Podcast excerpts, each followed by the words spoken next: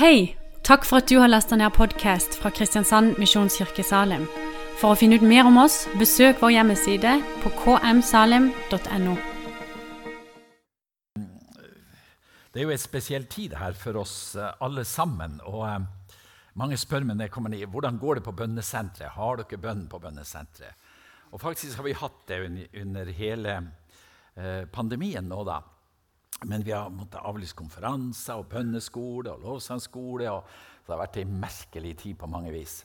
Men jeg har jo reist mye som evangelister og reist uh, mye opp i nord. Det har vært lite smitte, spesielt i samiske områdene og i, i Finnmark. Da. Så eh, der har jeg kunnet vært ganske fri til å reise. Og det er jo fint. Jeg, fortelle, jeg har vært mye i Kautokeino. Jeg holder på å hjelpe dem, en liten pinsemenighet i Kautokeino med at de skal få seg nytt kirkebygg. Eh, for De har holdt på med det i 20 år og fått tegna og prøvd og fått det til. Og så, og har det liksom ikke skjedd noe. Men så sa jeg til dem jeg har jo en bror i Kristiansand som er så flink å tegne. Han Kai. Vi må høre med han. Og nå har han tegna et sånt vakkert bygg til de. Så nå er de i gang. Nå driver han Kai med søknadsprosessen, og så skal vi få være med og hjelpe de å, å få et veldig fint bygg i Kautokeino. Og det samiske folk er så åpen for Gud. Det er så interessant å være der. Du kommer rundt i familier. En dag var det oppe nå, så var jeg seks forskjellige familier og ba for folk. da. Og mye nød og mye Men det er utrolig artig å være i de samiske områdene. Jeg må fortelle dere en god samehistorie. Må ikke høre her. Du vet, Det fins mye interessant å høre der oppe. Og så var det en, en same som hadde sånne lavvo og solgte sånne sameprodukter. Han solgte bein, kniver som var beinskaft på, og så solgte han ladder som var laga av skinn, og masse greier. Og så kom det en av de her søringene, sånn som dere er, kom oppover da. Og var så veldig interessert i det her, en kar fra Oslo. Og så sa han at du er jo virkelig en kunstner, at du kan lage alt det her, sa han til han mannen. Ja da, vi holder nå på å smie litt, sa han. og holder på her. Så det blir nå bra til slutt. Og så spurte han, og grov han der karen. Og så sa han der sammen at det er veldig hvor du spør. Nå har du jo spurt om alt mulig her. Spør og grev, det gjør du, sa han.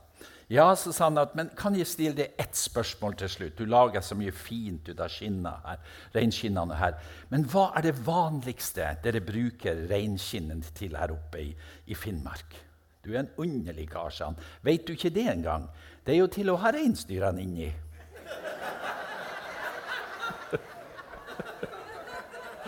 så, så så, så dum kan man være når man kommer opp i, i Norda. Men det visste du sikkert, at det var det vanligste bruken av reinskinna der oppe. Du visste det, Geir. Ja. Nei, men Fantastisk fint å være i lag med dere. Du vet Det det er jo så utrolig godt å få lov å samles i lag med Guds folk igjen. Og eh, eh I fjor, da, på våren utover, så kom jo det plutselig de greiene. da, og så var det stengt i, eh, i, eh, slutten av mars og april og mai og juni. Og jeg har aldri opplevd noe sånt siden jeg begynte som evangelist. Som jeg begynte å preike litt da jeg var 17 år gammel på Helgelandskysten. da. Så jeg har aldri vært, vært, i en sånn periode. Plutselig så satt du der. og så um, begynte jeg å lage sånne andakter i naustveggen på Seløya. Jeg vet ikke om det er noen som har sett på de andaktene mine. Ja, er det noen, noen hender som kommer opp da. Eh, og, så, og, så, ble jeg invitert til en konferanse nede i Vestfold.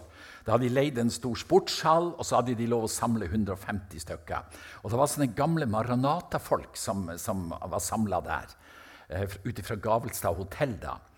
Og så eh, satt jeg der på første møte. De hadde god avstand, det var spredd utover salen. Og så var det de her gamle musikerne fra Maranate-miljøet. En spilte på sag, og en spilte på fiolin, og en på saksofon. En fantastisk pianist. Og så satte de i gang med en del av de friske Åge-sangene. da. Og så satt jeg der, og tårene bare rant på meg. og tenkte så fantastisk å få være i lag med Guds forsamling igjen. Og igjen få lov å samles. Og det, det er utrolig, det her med å være en del av Guds menighet. For en rikdom vi har, vi som Guds folk og få, til, få tilhøre denne fargerike familien som er Guds forsamling. Jeg har jo vært en sånn rundbrenner da, som har, har preika overalt. Fra den katolske kirke til eh, de mest ekstreme Livets ord-forsamlingene som fantes. Jeg har rundt i hele det spekteret her og preika. Det var, en kar som spurte meg om hadde du noen gang preit i den ortodokse kirke i Ukraina? Og Det er ikke bare å komme inn der. Det er veldig skille mellom de evangeliske og de ortodokse. Og faktisk har jeg gjort det også. Skal du høre en interessant historie. Fordi at Jeg fikk et telt som sto her på eh, Hamresand i sin tid. Fikk Det over. Det hadde 1100 sitteplasser. Og så hadde vi mange sterke teltkampanjer der borte. Og så kom jeg til en by som heter Severodvinsk, litt øst i Ukraina. Og vi opplevde en sånn herlig tid der med folk som ble helbreda, folk som ble frelst. Og så var det en ortodoks prest som hadde en kone som var blitt alvorlig syk av kreft. 37 år gammel, hadde tre små barn og var helt på slutten av, av kreftsykdommen. Var, var innenfor døden. Og Han var i en sånn nød, denne presten, så han kom til teltet. hadde hørt om helbredelse og kom og spurte om ikke vi kunne be for kona hans. Og Så kom han i fullt mundur med, med, med prestekjole. Det var en kar som satt på siden av meg. Han der han liker å bli kalt for fader, men han kler seg jo som en moder, sa han.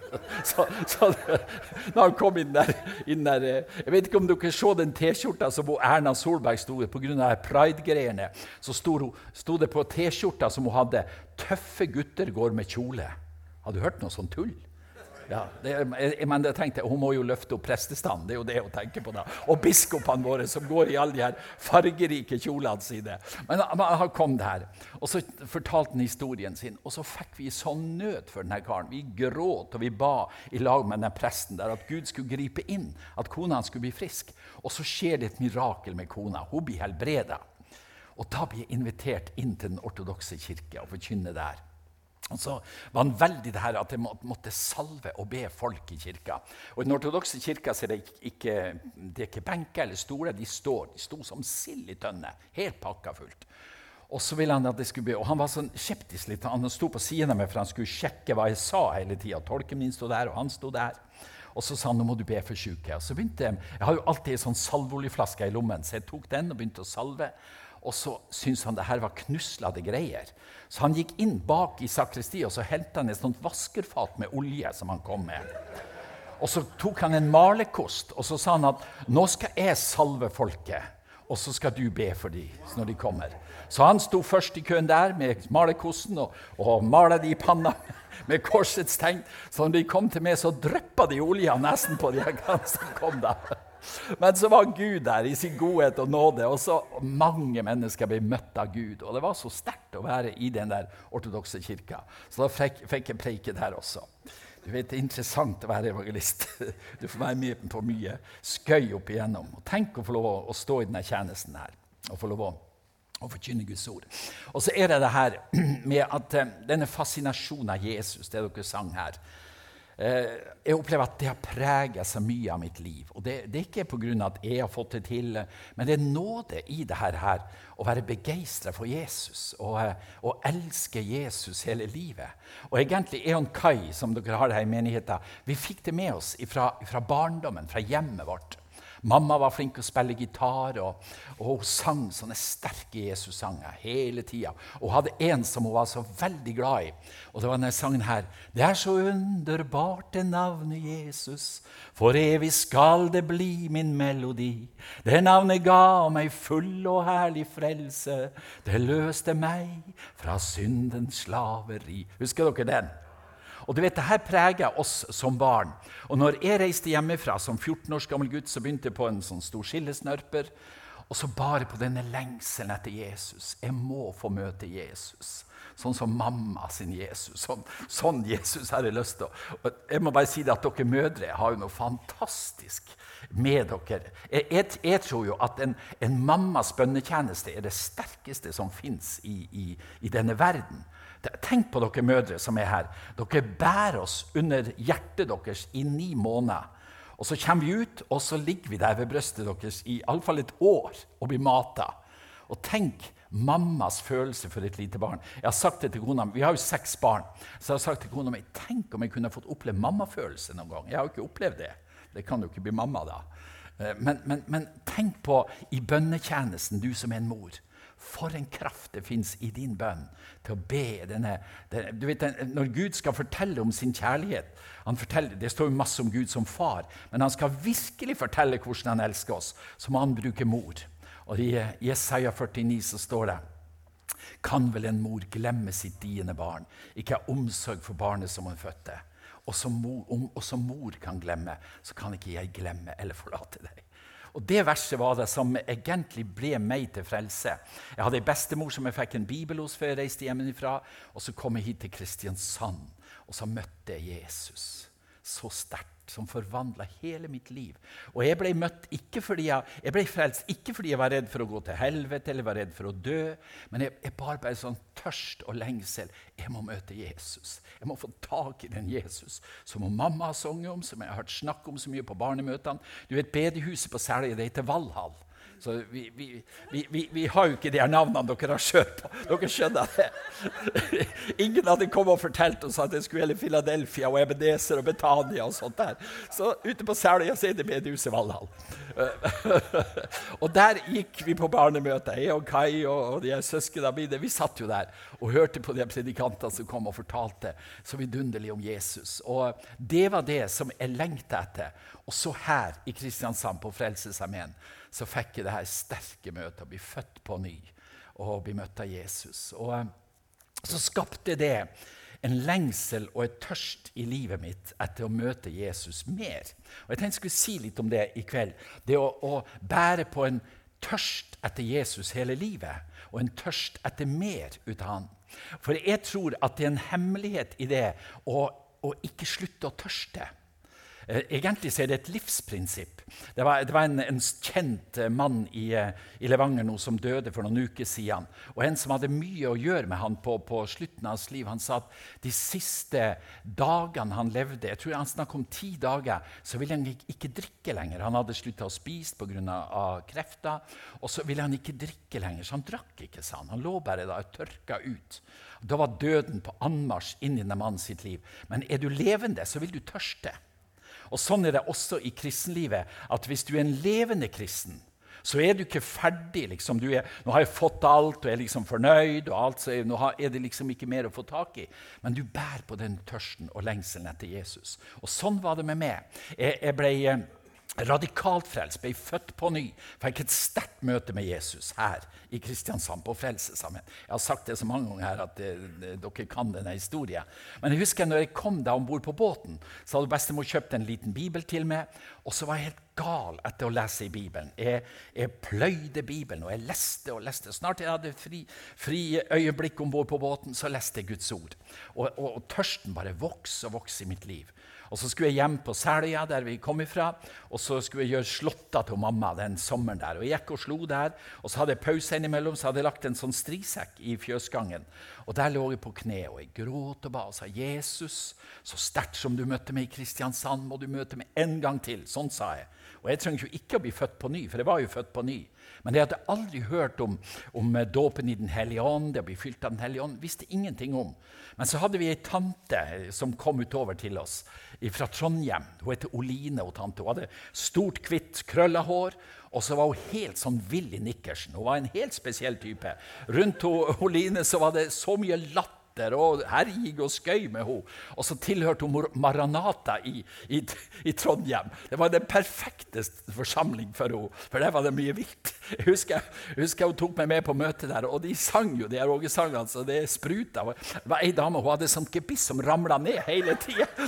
Så hun slørpa det liksom inn mellom hver setning som hun, hun sang. Og det var sånn fart. Og der ble jeg med og tante på et møte. Og Så kom det en predikant og så sier til meg at eh, 'Si meg en ting, broder. Er du døpt i Den hellige ånd?' sa han til meg. Og Jeg hadde aldri, jeg visste ikke hva det betydde, så jeg trodde det var bare barnedøpt. Så jeg sa 'Ja, jeg er jo døpt', sa jeg. Ok, sa han. Da gikk han videre. Men der satt jeg, og så opplevde jeg noe så spesielt at jeg sitter i hele kroppen ut av et gudsnærvær som var til stede, som jeg aldri hadde opplevd før. Og så Kvelden etterpå så var, bar det på Betel, pinsemenigheten i Trondheim. og Der var en svensk predikant. Og så ble det invitert. Du som ønsker å bli døpt i Den hellige ånd, du kan komme fram her. Og Så kom jeg fram, så bøyde jeg kne ved, ved benken der framme, og så kom Den hellige ånd over meg. Bølge på bølge på bølge. Jeg rista og skalv og skaka. Så jeg, jeg, skjønte ingenting, for jeg lå jo på kne da, men jeg hoppa sånn opp og ned på knærne. Men så husker jeg når jeg gikk fra det møtet der, jeg var så mett. Jeg var så tilfredsstilt. Jeg hadde møtt Den hellige ånd. Jeg hadde møtt Gud på nytt igjen. Og det, alt de her gudsopplevelsene som jeg fikk i min ungdom, skapte en sånn tørst. Jesus, det må finnes mer. Det er mer hos det. Det er mer å få tak i. Og Nå er jeg blitt 72 år gammel. Men jeg kan si det at jeg har ikke slutta å tørste etter Jesus og lengte etter mer ut av han. Jeg hadde en sånn spesiell opplevelse i Oslo for noen, noen år siden. Geir, du var med der på møte med Heidi Baker. Og jeg, jeg, jeg, har jo vært fisker, da, så jeg, jeg vet å sette sjøbein. Så det er ikke så lett å få til å dette når de ber for meg. De kan pushe litt på meg, men jeg detter ikke så lett. Jeg setter står sånn her, så sikrer du det. Og sånn har det vært i mange sammenhenger. Eh, men så, så, gikk der, og så satt Heidi Beige bare på en stol der, og køen gikk forbi. Og så toucha hun borti kneet mitt, og der smalt det i gulvet. ble liggende. Og så bøy hun seg ned på siden av meg, og Geir var med og ba for meg der. Og så spruta hun med vannflaska i munnen på meg og så sa hun at, at eh, du må huske å drikke av Jesus hver dag. sa hun. Drikk nå bare av Jesus. Og Så slutta hun, så ba hun litt, og så spruta hun på nytt igjen og så sa hun, du må bare drikke av Jesus. Jeg vet ikke hvordan det har vært i de koronatidene, men i alle fall så skjedde det sånn. Og når du, når du får en sånn forbønn, så husker du på deg. Jeg må drikke av Jesus. Jeg må ikke glemme å drikke av Jesus. Jeg må huske på å drikke av Han. Og du vet at løftene i Guds ord på det her med, med å tørste er sterk. Både i Det gamle og Det nye testamentet så ropes det på de tørste. Når Jesus står på den store høytidsdagen i Jerusalem, så, så står han frem og så roper han ikke 'Jerusalem, kom til meg og drikk'. Han sier ikke det til hele byen, men han sier 'Fins det noen tørste her?' La de tørste komme til meg og drikke. For av dens liv som tror på meg, skal det renne strømmer av levende vann. Og så står det 'Det sa han om den ånd de skulle få, de som trodde på ham'. Og Jeg har lyst til å spørre deg denne kvelden her, er det lenge siden du tørsta etter et møte med Den hellige ånd? Det er lenge siden du tørster etter å bli berørt på dypet igjen av det guddommelige nærværet som kan komme over ditt liv. Du vet, når, Jesus inviterer til at de tørste kan komme, så er det jo fordi at han har mer. Han har mer å gi. Og det er sannheten som Guds ord møter oss så mange ganger, at det er rikelig hos Gud. Det er mer å få. Det er stadig nye ting vi kan få lov å erfare. Og Nå har jeg vært en kristen i masse år. Og, og, jeg føler at jeg har liksom bare satt foten litt inn på strandkanten, og så ligger det her landskapet foran meg. Det er mer land å innta. For en gammel evangelist så er det mer land å innta. Og den lengselen ønsker jeg å bære med meg videre i livet. Jesus, jeg må ha mer. Jeg må ha mer. Jeg må ha mer av ditt nærvær inni mitt liv. Og Betyr det at jeg ikke er takknemlig for det jeg har? Selvfølgelig ikke. Du vet at Denne kombinasjonen av å være takknemlig over Guds godhet i ditt liv og samtidig lengte, lengte etter mer, det tror jeg er en viktig sak. Tenk hvor god Gud har vært imot oss. Jeg tenker bare på i denne pandemien, hvor velsigna vi har vært i Norge. Jeg har en, en god venn i India som, som, har opplevd tragiske ting i menighetslivet, blant evangelister og pastorer som han har vært ledere for der. Masse har dødd. Og så er vi i dette lille landet her. Og jeg tror at Guds velsignelse ligger over Norge på en spesiell måte. Du vet, Norge har vært et giverland. Norge har vært et misjonsland som har sendt ut misjonærer som ingen andre i forhold til folketallet. opp igjen. Og jeg tror velsignelse slår stadig inn over dette landet her. Og jeg, Derfor så er jeg satt takknemlig til Gud for nasjonen vår, for folket vårt, for at jeg får lov å bo her. Og så for at jeg får lov å tilhøre Jesus og leve med han. Og ha fellesskap med Jesus. Tenk for en utrolig rikdom. Så den takknemligheten bor i mitt liv. Men samtidig så vil jeg tørste etter mer. Jeg har lyst til å få mer fra Jesus. Og du vet, Det å få lov å være evangelist du, Paulus han snakka litt om det her med at han får ikke lønn, og sier at han tar ikke lønn for det er en forvalteroppgave som er gitt ham. Og så spør han noe interessant. Han sier sånn her Hva er da min lønn? sier han. Og så sier han min lønn er at jeg får lov å forkynne evangeliet. Min lønn er at jeg får lov å forkynne evangeliet. Og jeg tenker på det, For en lønn det er å få være et vitne for Jesus. Eh, du vet, jeg, I denne siste tida nå Jeg har, jeg har plagdes en god del med hjertet mitt på nyåret. Jeg har vært, vært frisk i hjertet i, i, ett år og åtte måneder. Jeg var borte i Georgia, ble bedt for der, opplevde noe helt spesielt. Og så I ett år og åtte måneder så har jeg vært så frisk. Og så plutselig 8. januar, så slo det til med et nytt hjerteinfarkt. og Jeg hadde med på St. Olav med blokking og, og, sånne greier. Og så ble jeg dårlig etterpå. Vært dårlig utover sånn her. Men så har jeg nå reist da, og hatt et sånt anginaanfall ett eller to i uka og vært puskete i perioder. Vet, en, en sånn helbredelsespredikant som må gå på nitro for å få det til, det er ikke, det er ikke så bra. Smertestillende og nitro. Da. Ja, men, det er sånn. men i alle fall så, så, var jeg og talte på en bønnekonferanse borte i, i Røyken attmed Oslo. Og så ble jeg så veldig dårlig. Jeg skulle preike på fire møter på, på lørdag. De hadde opptak på Kanal 10 og de greiene. Og så ble jeg så elendig på ettermiddagen. Ble så dårlig, fikk et kraftig anginaanfall da. Og så samla de seg der og ba for meg. Og det her er altså fire, fem uker siden nå. Og da kom Den hellige ånd der. Og siden da så har jeg vært så bra igjen i hjertet mitt. Så, så, nå er det noe som har skjedd på nytt igjen. Du vet at sånn gammelt skrap det må repareres. Det er litt slark i lagrene og litt sånne uh, greier som, som, skjer her. Men det å få lov å, å være et vitne for Jesus er så fantastisk. Og en sånn glede. Og så har jeg reist mye opp i Finnmark, og så er jo lengselen etter Gud i så mange Jeg var borti Varangerbotn for ei tid siden. og så forkynte enkelt om Jesus der på, på menighetshuset i Varangerbotn. Og så kommer det ei eh, som hadde en ganske ledende stilling i kommunen der, så kom hun til meg og så sier hun at i kveld har du bare talt til meg, for jeg lengter etter Jesus. Kan du hjelpe meg å finne ham? Vet, for oss som en evangelist så er jo det, det er himmel på jord å få være med. Og så fikk jeg lov å be til frelse med henne. Og så var jeg der på nytt igjen for noen uker siden, og da kom hun ei svær kake på møtet, og, og hun var så lykkelig lykkelig for at hun få lov å møte Jesus. Tenk å være med på det her, folkens. Og, og, du vet at det her er jo oppgaven, det er jobben min, å reise rundt på fulltid og skryte av Jesus. Det, det er hovedjobben min. Og det å få lov å lede mennesker til å si 'Jesus, her har du en til'. Og her har du en til. Og her har du til. Tenk å ha en sånn jobb. Så det er ikke rart Paulus sier at 'hva er da min lønn?' Jo, at jeg får lov å forkynne evangeliet. Det hadde jeg fått lov å tatt imot kallet og fått gått ut med Guds ord. Det er en sånn utrolig rikdom. Og så har vi masse ting vi kan takke Gud for. Og la ikke takken være langt borte ifra ditt liv. Vet du hva det står i Salme 100? Gå inn gjennom hans porter med takkesang og inn i hans forgårder med lovsang. Det betyr ikke at du skal begynne å takke når du er kommet innafor, men begynn gjerne litt på utsida. Og så går du gjennom porta med takkesang, og så går du inn med lovsang og tilbedelse, og så fyller deg ditt liv. Og så bærer du med deg gleden i Gud som et sånt viktig element i ditt liv. Du vet at Det å få lov å se evangeliet, hvor vidunderlig det er han, han Per Fugelli, dere kjente han, han doktoren som var på Røst. Han var jo en forunderlig kar, han der karen. De lager jo film om han. Men så satt han på intervju en gang, og så sier han sånn her 'Jeg er så forelsket i Jesus', sier han. Og Så spør han journalisten hvordan kan du si det. Er du en kristen? eller? Jo, så sa han, det kan jeg si. For Jesus er nummer én som bærer ut av alt som er godt i historien. Er ikke det fint sagt om Jesus? Jesus er nummer én som bærer ut av alt som er godt i historien.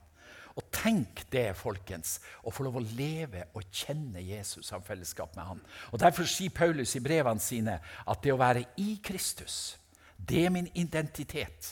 163 ganger tror jeg det står i Kristus. Altså det å være lukka inne i Kristus, ha fellesskapet med Han, leve i den intime relasjonen med Han. Det er det som er den største glede og den største rikdom som vi har i vårt liv.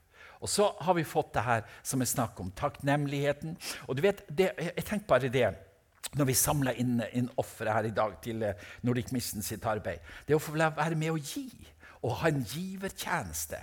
For et gledesmoment det er i vårt liv. Og jeg tror faktisk at Gud ønsker at vi skal ha det godt på alle vis. Gud ønsker rikdom, Gud ønsker velsignelse. og det, det, er en grunn til at vi har det så godt i det landet. Gud ønsker det.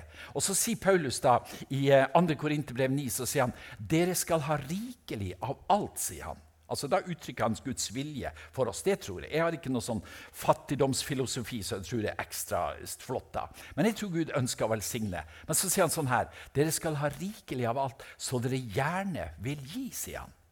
Og Da er det at vi får være en kilde av liv til andre mennesker gjennom at Gud har velsigna oss.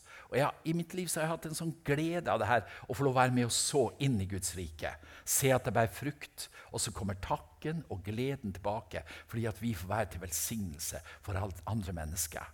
Så bær med deg takknemligheten, velsignelsen, og så tørster du og lengter du etter mer av Jesus. Og jeg tenker på I den tida som vi har vært igjennom nå, for en mulighet vi har hatt å søke Gud og bo i Guds ord og be og ha fellesskap med Han.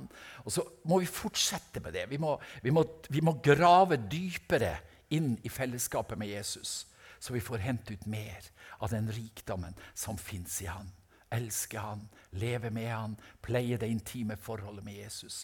Det ligger en sånn rikdom i det. Og så er Det sånn at Gud, han, du vet det, det, er to ting som er viktige i Guds ord.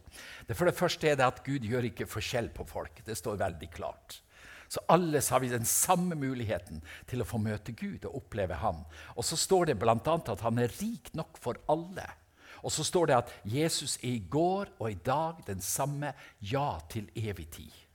Så der har du det. Hvis du vil søke Gud, hvis du vil ha mer av det som Jesus har å gi til deg, så har du de største muligheter til å få tak i den rikdom som Gud gir. Jeg får det her bibelstedet fra Bibelselskapet, som kommer inn hver natt. Jeg vet ikke om dere får det inn på telefonen deres. Det er ofte veldig fine bibelsteder som de plukker ut i Bibelselskapet, og så sender de det ut. Så gå inn på bibel.no, og så får du det. Sånn veldig fint hver morgen å få det. Og så For noen dager siden så sto det her at når Jesus fryder seg og jubler i Den hellige ånd Han sitter sammen med disiplene sine, de hadde vært ute i tjeneste, de hadde sett store ting skjer. Og Så sier Jesus det viktigste er at navnet deres er skrevet i livets bok. Og Så står det rett etterpå at han jubler i Den hellige ånd, og så sier han Jeg takker deg, far, at du har skjult dette for de vise og forstandige, men det åpenbarte for de umyndige små. Og Dette er noe av evangeliets vidunderlige kjerne. At ingen er for små eller for uviktig for å få del i det som Gud har for oss. Jeg har sånn, ei, dame i Ukraina som er så utrolig glad. Hun kaller meg for pappa. Og, der. hun heter Oksana. Hun ble en kristen og hun har Downs syndrom og har sittet på en institusjon mye av sitt liv. I Ukraina så er det en skam hvis du får et sånt barn. Enten blir de stengt inne på et rom hjemme, eller så blir de satt på institusjon. Og hun har sett på en institusjon der hun lengta seg hjem, fortalte hun og sånt. Men så, for noen år siden, så, eh, så fikk Oksana møte Jesus. Hun ble jo helt hekta på Jesus. Hun, hun, ble så opptatt av Jesus at, at, foreldrene ble så sjokkert. De mente at vi hadde hjernevaska Oksana, for hun snakka jo bare om Jesus hele tida. Var tidlig oppe om morgenen og ba til Gud. Og, og så har hun lengta så veldig etter å få lov å bli døpt. Eh, og så har pappaen vært så veldig imot det. Han ville ikke at hun skulle bli døpt, for han mente at hun var hjernevaska da. Og så Etter to år så fikk jeg være med på dåpshandlinga til Oksana. Og Det var noe med det største jeg har vært med på i mitt liv. For det var, så, Hun, hun stråla som en sol og, og lo og fryda seg når hun gikk ned i dåpsbassenget der. Og Jeg sa til pastoren at, at det her var så sterkt at døper du folk for andre gang, så har jeg lyst til å bli døpt i det samme dåpsvannet som Oksana. Og så, og så er hun, hun er som en engel når hun står i forsamlinga og lovpriser Gud. Men så blir hun brukt av Gud, hun der. For når hun er så mye i bønn, så får hun ting, profetiske ting. Og så kommer hun ofte til pastoren på søndag formiddag og sier nå har Gud visst med det, og nå har Gud visst med det. Og, og så sier pastoren at det treffer så inn i livet mitt, mye av det Oksana kom med. Og så tenker jeg på det her som Jesus sa, du har skjult dette for de vise og forstandige, men så har du åpenbart det for de umyndige små. Og så For eh, noen år siden, to-tre år siden så var jeg der borte. Og så fikk jeg lov å be med pappaen til frelse. Og det var så gripende hjemme i huset deres. Da, og så fortalte han en sånn fin historie. Han sa at, at Oksana hun ville jo se på den dåpsvideoen hele tida. Skulle spille den hver dag. Og så røyk TV-en hennes, han. Og så måtte hun komme inn på stua til meg, og så ville hun hele tida se det. Og så ble jeg sett han i lag med Oksana. sa han. Og så så jeg hvor hun jubla når hun så på den dåpen sin. Og så sa han så ble hjertet mitt så bløtt, sa han, for Osana. Og det hun hadde opplevd. Og så fikk jeg en sånn lengsel. Jeg må oppleve det samme som Osana. Og så fikk jeg be med denne gamle kommunisten som har vært så hard, steinhard. Og så hadde hjertet hans smelta med at Oksana, denne dattera hans, bare hadde møtt Jesus så sterkt. Og det her er så fantastisk med evangeliet at det er ingen som er for uverdig, det er ingen som er for små, det er ingen som er for ubetydelig. Det er at de kan få oppleve rikdommen som fins i Gud. Og Kanskje kjenner du på for ditt eget liv at men mitt liv har jo vært sånn og sånn. og hvordan er det med meg? Og, men du skal vite at det ligger et hav av rikdom i Gud som du kan få lov å oppleve og ta inn i ditt liv. Kanskje lengter du etter Den hellige ånds kraft i ditt liv. Han er her denne kvelden. For han skal fylle på din tørst og din lengsel. Når Jesus sa 'Kom, du som er tørst'. I Jesaja står det 'Kom uten penger, kom uten betaling'. Kom og spis, kom og drikk ut av det som Gud har for deg. Og la denne sommeren være en sånn sommer der du igjen sier Jesus, du må komme. Jeg vil drikke inn mer av ditt nærvær i mitt liv. Jeg må fylles på nytt igjen av din herlighet. Kom og gjør ditt verk i mitt liv. Og jeg tenker på det at her i, i byen, du som går omkring som en kristen her. Alle er ikke kalt til å være evangelist, sånn som jeg er, eh, og, og, den tjeneste som jeg har hatt, men, men alle blir kalt til å være et vitne. Og det å få lov å dele Jesus med andre, det er en sånn utrolig rikdom. Jeg, jeg må bare fortelle en sånn flott historie oppe i Finnmark. når jeg var der oppe, og Så var det en, en fisker da, ute på ei øy ute på Finnmarkskysten som hadde hørt at jeg drev og ba for syke. Og så hadde han et, hatt et slag, og så hadde han blitt lamma i en fot og en arm som var, var, dårlig. Og så kom han på møte. Ikke kristen, da, men hadde lyst til å få forbønn. Han kalte meg for en sånn håndspålegger, og det er jo mye håndspåleggere oppe i Finnmark. så det er noe så. Men iallfall så, så kommer han fram og får forbønn. Og så Før vi det her, så hadde jeg med meg en, en annen fisker da, som var med meg litt i møtet. da, og Han, han der karen han, kjente han der som hadde hatt slag så godt. Men så plutselig så hadde det skjedd noe i hodet på han som hadde hatt slag, så han klarte ikke å kjenne igjen denne fiskekameraten sin. Så han, kameraten min han sa det, jeg tror han må holde på å bli senil, for han, han, kjenner meg jo ikke igjen. Vi kjenner jo hverandre så godt da. Men så kom han til forbønn. Og så står jeg der og skal be for denne karen. da. Og så plutselig, så akkurat som jeg ser inn i hodet på han, at det er noe som må kobles i hop der oppe. Ja, det er akkurat som et sånt printkort som må loddes i hop. Så jeg, jeg, sier jo til Gud at nå må du koble i hop de greiene oppi hodet hans. Altså, vi i Nord-Norge ber jo kanskje litt annerledes enn dere sørpå. Men jeg sa nå må du koble i hop, nå må du lodde i hop det her, så det kan bli å fungere oppi hodet hans igjen. Og så, når jeg har bedt for ham, så går han jo så normalt. Så han blir helt sjokkert. da. Så han drar på dør til en, en, eh, dame som han kjente der, og skal vise henne dette her. Og hun sender han tilbake da, til bedehuset der vi er. Og så Det første som skjer når han kommer inn, da, så kjenner han jo fiskerkameraten sin igjen. 'Er det du, Leif?' sier han. Vi har jo fiska så mye i dag, så da var det fiksa. Eh, at han plutselig kjente han igjen. Og så begynte han å spankulere og gå der i midtgangen og vise oss hvor godt han kunne gå. At Gud hadde grepet inn i hans liv. Og så er det den kameraten hans som sier men nå har du opplevd det. Men har du tatt imot Jesus? Er du blitt en kristen? Nei, så sa han, det er ingen som har spurt meg om det før. sa han. Jeg har fått et lite hefte ut av en som heter Kjell Haltorp, sa han. En gang følger mange seg om veien til himmelen. Men, eh, men, jeg har jo ikke tatt imot Jesus. Ja, men da sier han jeg, får lov å be med det, at du kan bli, bli, frelst og få møte Jesus. Og så ber han frelsesbønn med denne karen. Og nå når jeg kommer opp dit igjen, så er karen, Han sa til meg sist jeg var der oppe nå, han kommer med så mye fisk det med. Jeg fikk en hel bunch med fisk fra Sørøya med, med, med, hjem nå. Og så sier han det var jo fantastisk med helbredelsen som skjedde, men tenk at jeg fikk møte Jesus. At jeg ble en kristen, sa han. For Der jeg kom ifra, så bare fleipa de med Jesus og herja med de kristne. Og nå har jeg fått møtt Jesus sjøl. Og så stråler hele fyren fordi at han har fått lov å oppleve Jesus. Og det her er sånn som vi får lov å være med på. Når vi deler Jesus med andre, så vil det flyte fra vårt liv en strøm av det levende vann som møter de tørste i denne tida her. Og Gud må møte folket vårt. Jeg vet ikke om du leste det som sto i Feven i går fra Kristiansand. Seksuelt misbruk ut av, ut av, unge jenter og barn i byen her. Forferdelig lesning. Og Dette er ikke bare Kristiansand, men det er noe som preger landet vårt. Normoppløsninger der, der grensene brytes. Og det her. Og hva har vi å gi inn i det her? Det er jo, det er jo vi som er saltet i forråtnelsen.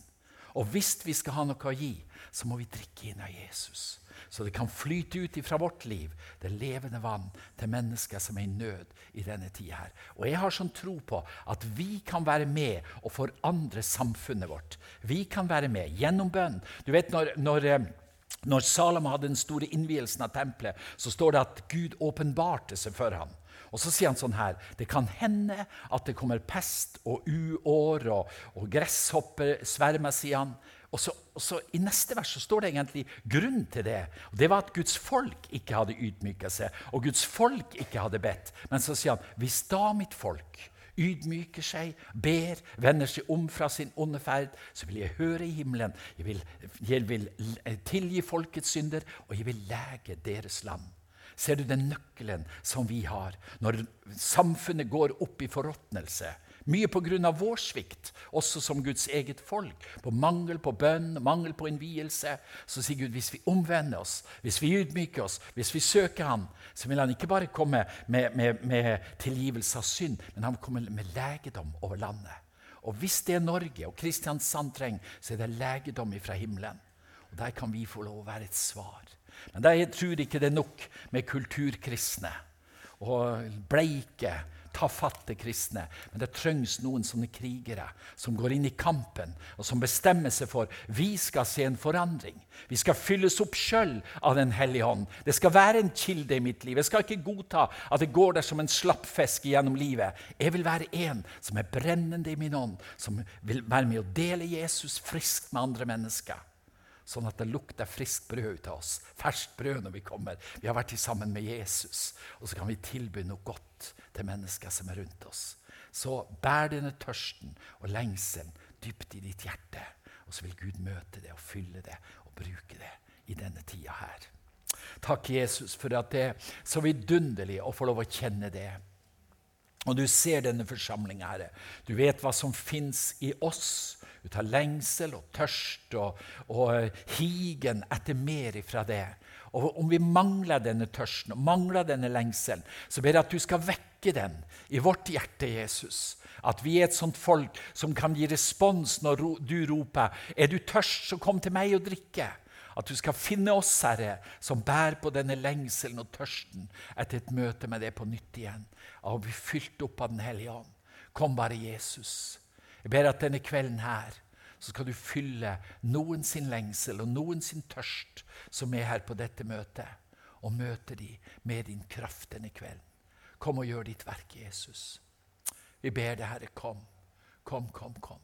Du ser de som er syke, Jesus, som kanskje i lang tid har gått med sykdom og plager og, og lengta etter at du skulle møte de inn i deres vanskelige situasjon. Takk at du er her og Jeg ber at du skal rekke ut dine naglemerkede hender, og så skal du røre ved mennesker denne kvelden her, Herre, så at de kan få oppleve en berøring fra himmelen med helbredelse og hjelp inn i situasjonen, Herre. Du ser om det er noen her, Jesus, som ikke er en kristen, som vet med seg sjøl jeg har ikke fred med Gud. Jeg ber at de skal få lov å invitere deg inn denne kvelden her og si, 'Jesus, her har du mitt liv.' Takk, Herre, for du er her i din godhet og nåde. Takk at du er en rik Gud.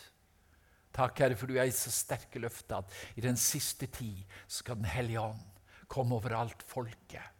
Til og med trellene og trellkvinnene skal du fylle med Den hellige ånd.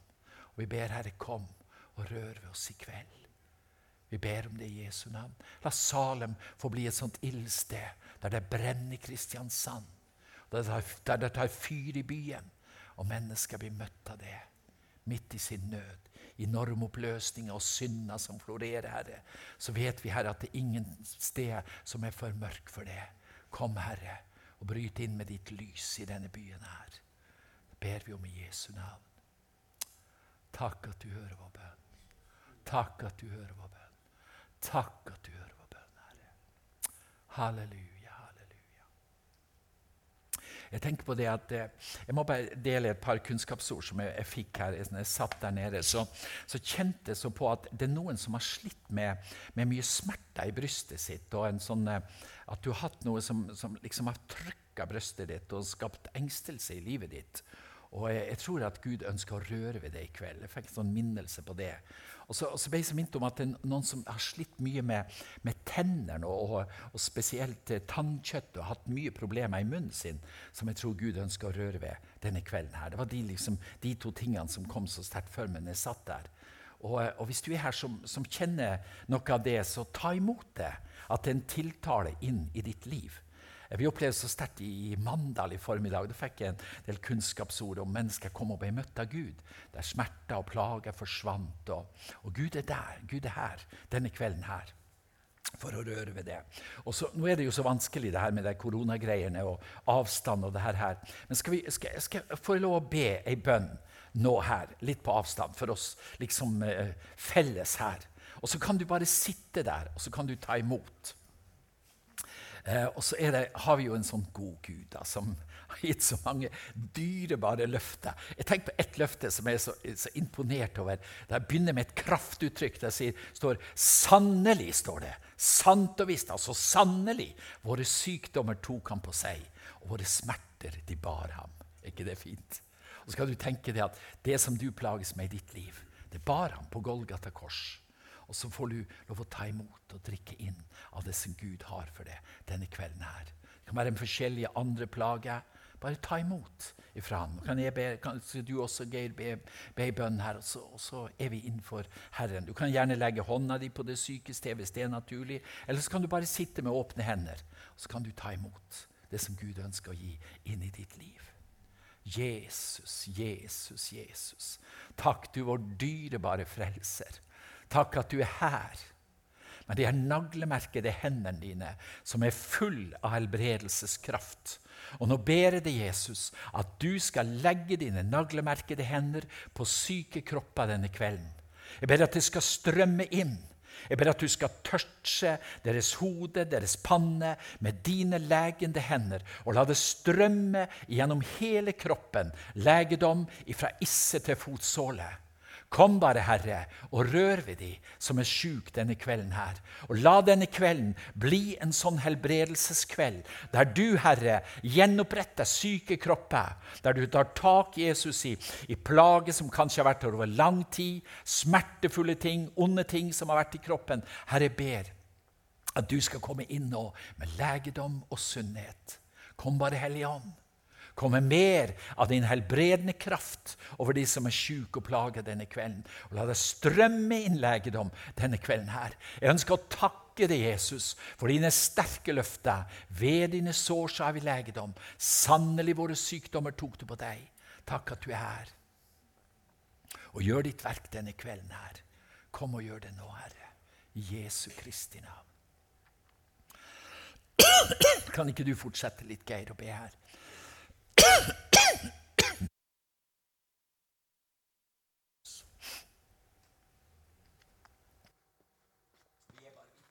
Bare drikk inn og tar imot ifra Jesus.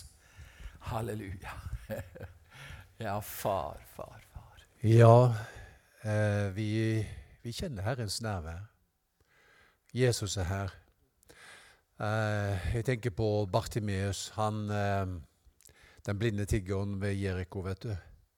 Og så var det nok noen som hadde sagt til ham at eh, Bartimeus, du burde komme deg opp til Galilea. For der er det en som heter Jesus fra Nasaret. Han helbreder syke. Hvordan skal jeg komme meg opp dit, liksom? Det er jo umulig. Og En dag jeg sitter der og tigger, så hører jeg at det er veldig mye folk, og, og det er et styr. Og han sier, 'Hva er det som skjer?' Hva Ja, så sier de til ham det er Jesus fra Nasaret som går forbi. Er det mulig? Jesus fra Nasaret. Er han her? Det var ikke ti ville hester som kunne holde Bartimeus tilbake. Han roper 'Jesus, du Davids sønn, miskunn deg over meg'. Dette er en kveld som jeg kjenner altså i min ånd, der du skal få lov å si at eh, eh, mørket blir til lys, mm. og natt blir til dag. Han er her for å røre ved deg, og du kan rope ut, du også. Jesus, forbarm deg over meg. Ja. Ikke sant? Mm. Jeg har lyst til å be en bønn. Jeg tenker at eh, vi vi, eh, vi, skal få fram eh, Dere og dere skal synge, og så be, skal vi be en bønn for dere. Men skal, det er lov å be sånn for enkeltpersoner, men vi må gjøre det veldig styrt og kontrollert. Så hvis dere kommer fram tre om gangen, ikke mer, og god avstand. Og, ha, og du har munnbind. Har du munnbind? Og jeg også. Og så skal vi be for deg som kjenner det, at dette er min kveld. Jesus er her. Jeg, jeg roper på han. Og han skal røre ved meg. Så tre om gangen. Vi kan ikke ta mer. Og så, og så, så passer vi på avstand, og så holder vi med, med munnbind. Og så, og så, skal vi se at, hva Jesus vil gjøre. Men jeg vil be jeg også. Herre, vi takker deg for at du er her i kveld. Og akkurat som Bartimeus roper, så roper vi til deg, forbarm deg over meg. Stopper du opp, og så lar du denne blinde få komme fram. Hva vil du jeg skal gjøre for deg? Så møter du hans dypeste behov. Vi priser deg for det, Herre, for du er her i kveld.